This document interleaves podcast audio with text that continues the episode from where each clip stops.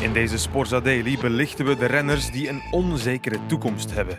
En dat zijn er veel. 2024 komt dichterbij, het nieuwe wielerseizoen dus ook.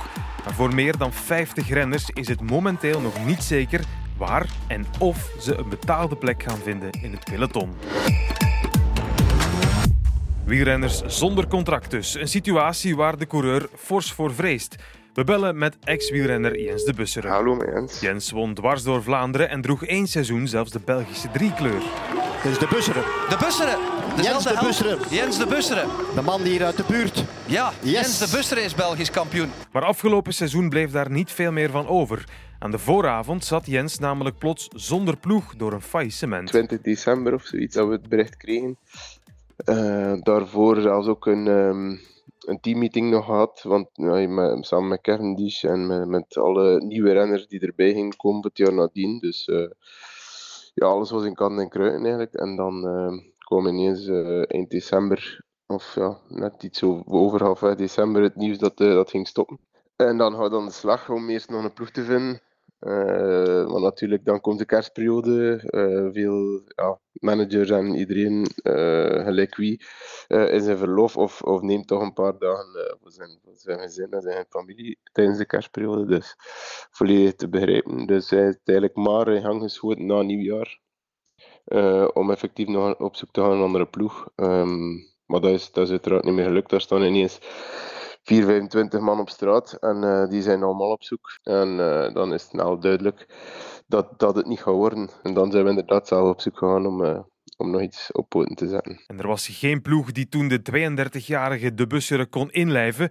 Dus koos hij, zoals hij zegt, voor een bijzondere aanpak. Ik had altijd ook gezegd van eh, ik, wil, ik wil graag mijn einde beslissen. Dus eh, voor het laatste jaar ingaan wil ik beslist hebben van dit is het laatste jaar om van alles eigenlijk supergoed te genieten. En ehm, ik ben begonnen op uh, Velofolies. Ja, omdat ik daar wel ook veel mensen ken. En, en dan eigenlijk ja, sponsors gezocht. Uh, Guy Kostermans van Billy Soul tegengekomen, waar ik eigenlijk altijd een goede band mee had van de tijd bij Lotto, toen dat Lotto Billy Soul was. En dan hadden we nou ook nog uh, een andere hoofdsponsor, Jaro, die via mijn schoonouders eigenlijk ja, gewoon mijn verhaal gaan doen. En, en hopen op een enorme gunfactor van die mensen. En die hebben dat allemaal allemaal gedaan. Daar kunnen ze alleen maar dankbaar voor zijn. En dus spreekt hier geen renner op pensioen die bitter terugkijkt op die laatste maanden. Nee, het is wellicht niet voor iedereen, maar hij kan de zelfredzaamheid en de zelfstandigheid wel aanraden. Ik denk dat iedereen dat voor zich moet, moet weten. Uh, ik kan alleen maar zeggen dat dat voor mij een heel toffe periode is geweest. Um, uh, ik was uiteraard niet zoveel in het buitenland als andere, andere koersmaanden. En, um, daarom heb ik er wel super van genoten om samen met mijn familie eigenlijk heel die periode te beleven. Uh, mijn dichtste vriend uh, zag ik superveel. Die kwamen ook overal supporteren, omdat ze hey, ook wisten van het zijn, van de laatste keren. We zijn naar gravelkoersen geweest.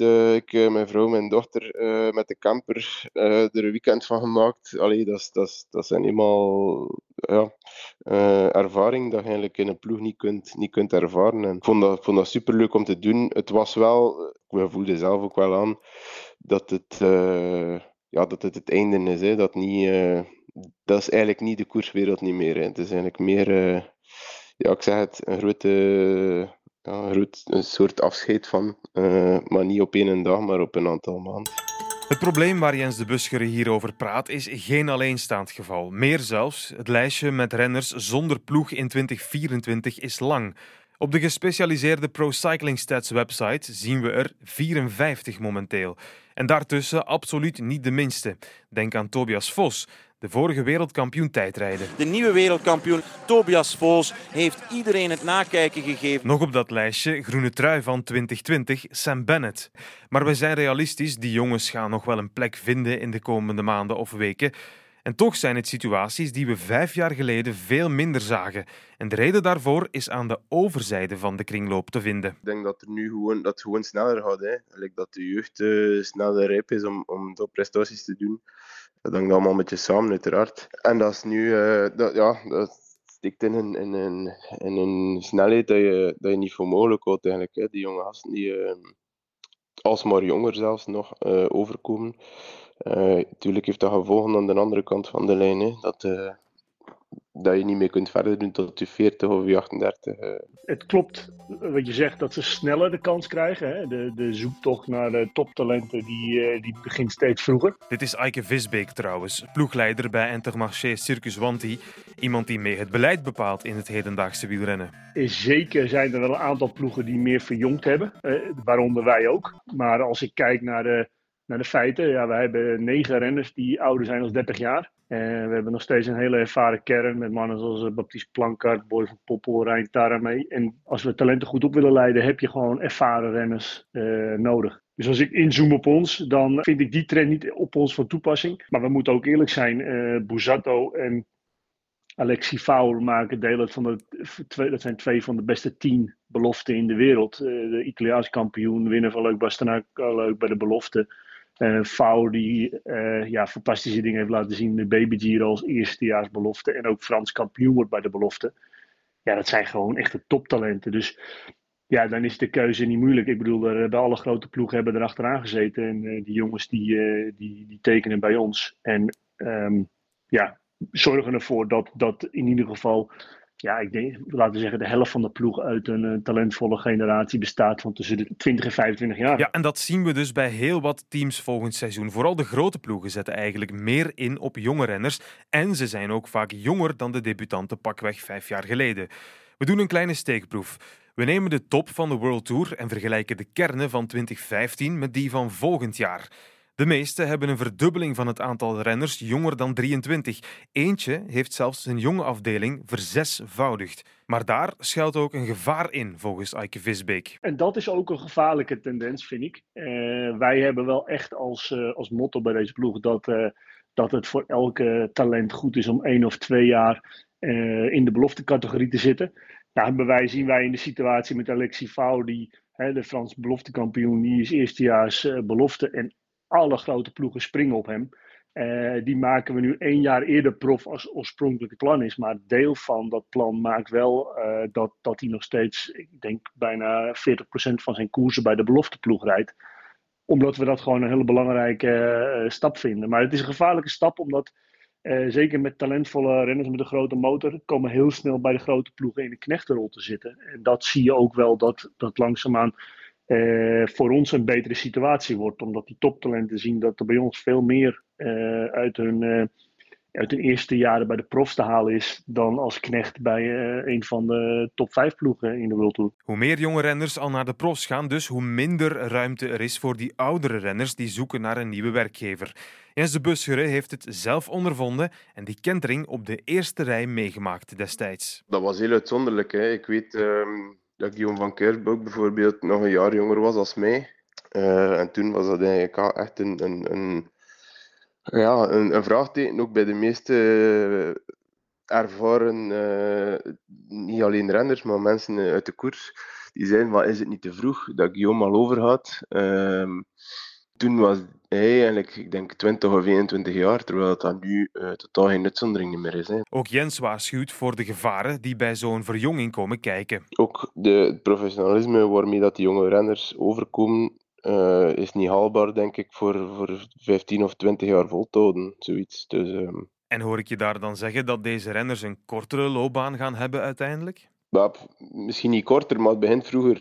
En het ene is dus de, de, de tijd zal misschien hetzelfde zijn, maar het zal, zal gewoon vroeger starten en, en vroeger eindigen, denk ik. Het peloton is inderdaad verjongd en dat brengt ook een heel andere koersbeleving met zich mee. U heeft het ook al gezien, toch? Hè? Veel meer aanvalslust en ook vrij vroeg in de wedstrijd. En als u mij niet gelooft, hier zijn Thomas de Gent en topsportcoach Paul van den Bos. Er wordt op een andere manier gekoerst. Hè. Dus dat is- er wordt oorlog gemaakt. Nu zitten we hier met jonge rennen, met Pogacar, maar dat is niet de enige. Dat is een beetje een exponent van een nieuwe generatie, die ook durft staan te vallen op 30 kilometer. algemeen niveau is, is gewoon hoger. Ja, eens moet die een dag komen dat de jongeren beter zijn. Hè. Ze doen dat gewoon heel abrupt. Eh, ze, normaal is dat geleidelijk aan, jongeren dat erbij komen. En nu ineens is dat, kom, we pakken hier alles over. is- We duwen die ouderen naar achter. Een pijnlijke vaststelling voor de ervaren coureurs dus. Maar voor Jens de Bussere is dat geen slecht nieuws. Nee, we moeten het zelfs aanmoedigen. Ah, wel ja, ik denk inderdaad dat je de evolutie niet mag tegenhouden. Nee, anders blijft het stilstaan als sport. En, en eh, het is voor mij nog altijd de, de mooiste sport ter wereld. En ik hoop dat ze alleen maar evolueert in, in, in positieve zin. En, en uh, gelijk dat nu bezig is. Hè. En, en het zijn fantastische prestaties dat die, dat die man allemaal leveren. En uh, het, is, het is een plezier om naar te kijken. En vroeger werd er gekoerst uh, op 50 kilometer van de meet. En dat was al vroeg. En nu is er geen vroege vlucht niet meer. Is er geen, geen moment van vertwijfeling niet meer. Het is gewoon van aan de start tot aan de finish mooi om naar te kijken. En ik denk als we daar een beetje gaan tegenwerken, dat we, ja, dat we, dat we als sport blijven stilstaan. En dat we misschien zelfs achteruit gaan. Dus uh, dat mag zeker niet gebeuren, denk ik. Paul van den Bos vernoemde Tadej Pogacar al. Wij Belgen denken ook aan Remco Evenepoel als het over actief en vroeg koersmaken gaat. Maar Eike Visbeek die waarschuwt opnieuw. Jong en enthousiast is namelijk niet altijd een garantie op kwaliteit. Wat gaat er uiteindelijk met die hele generatie gebeuren? Remco Evenepoel is... Uh is misschien het, uh, het, het, droomscenario. Maar ja, we, moeten straks ook heel kritisch kijken naar die generaties. Uh, want er zijn op dit moment ook een paar jongens die blijven hangen. Die op dezelfde manier overgestapt zijn. En ik, ik merk wel bij de managers dat langzaam het besef wel begint binnen te komen. Dat het niet, niet, vaak niet de beste oplossing is om meteen van de juniorencategorie over te stappen. En dus behoudt de ploeg van Visbeek nog steeds die mix van jong en oud. En dus kan onze cirkel in deze aflevering wel eens rond zijn. Want er zijn nog wel wat renners met ervaring, met een pak kilometers op de teller, die zonder contract zitten te wachten op een kans. Eike Visbeek en Intermarché Circus Wanti zijn alvast niet weigerachtig. Ik neem een aantal van die kandidaten heel serieus. Ik bedoel, er zijn een aantal uh, goede Belgische renners die nog altijd zonder contract zijn. Uh, Van Keijsbulk, uh, Vermoten. Dat zijn allemaal jongens die ik nog steeds volg. En als we zien dat daar een plek voor openvalt, uh, dat, dat zijn gewoon stevige profs, uh, World Tour renners, die, uh, die zeker eh, het, het, het, draagvlak bij ons sterker maken. Dus dat zijn zeker wel serieuze kandidaten. Ik volg een aantal jongens en ik heb daar contact mee. Maar op dit moment hebben wij geen, geen optie. En ik heb die mannen beloofd dat op het moment dat, wij, dat er een plek vrijkomt, dat ik weer in de lucht kom. Maar ik kan ze op dit moment geen plek aanbieden. Dus het is, het is voor hun zorgen dat dat als ze een plek vinden, dat daar een, een, mogelijkheid komt. Al lijkt die mogelijkheid niet meteen bij Intermarché of een andere World Tour ploeg te liggen, misschien wel een trapje lager. Eh, als je gewoon laat zien dat je op de markt bent en je hebt gewoon een realistische dialoog erover, dan is dat uh, volgens mij voldoende. Maar ja, ik bedoel, ik, ik, had, ik werd van de week benaderd door een eh, journalist uit Noorwegen. Die zei van, ja, wat Boven van Hagen is, is nog steeds op de markt. En ja, dan, mijn tip naar zo'n jongen zou zijn van, ja, maar als je nu geen ploeg vindt, dan ga lekker bij de, de, de, de continentale ploeg Koep uh, rijden. En, uh, en, en, en, rij een jaar daar, want die jongens rijden ook genoeg profkoersen. En dan help je het Noorse wielrennen. En, en, en mogelijk fiets je weer terug in de, in de World omdat er in maart of april uh, misschien weer plekken openvallen, omdat er langdurige geblesseerden zijn. Um, en dat is natuurlijk ook het scenario wat bij een aantal uh, van, van de Belgische free agents mogelijk is. Ik bedoel, uh, zorg ervoor dat je gewoon in de koersen blijft. En of je dan bij een Nederlandse of Belgische of Franse of Duitse continentale ploeg rijdt. deze ploegen rijden vaak nog best een goed programma en, en die komen we vaak ook tegen. Dus als je daar in je uitslagen blijft rijden, dan, uh, dan blijf je actueel. En dan is er in het volgende seizoen wel weer een kans op een plek bij de World Tour teams. We gaan het samen met u ontdekken. We onthouden alvast na deze aflevering van Sporza Daily dat de verjonging van het peloton zich laat voelen, maar dat er nog steeds gegadigden zijn om de renners zonder contract kansen te geven. En als er iets beweegt voor de zogenaamde free agents, dan verneemt u het zoals altijd op onze Sporza-kanalen. Tot de volgende keer.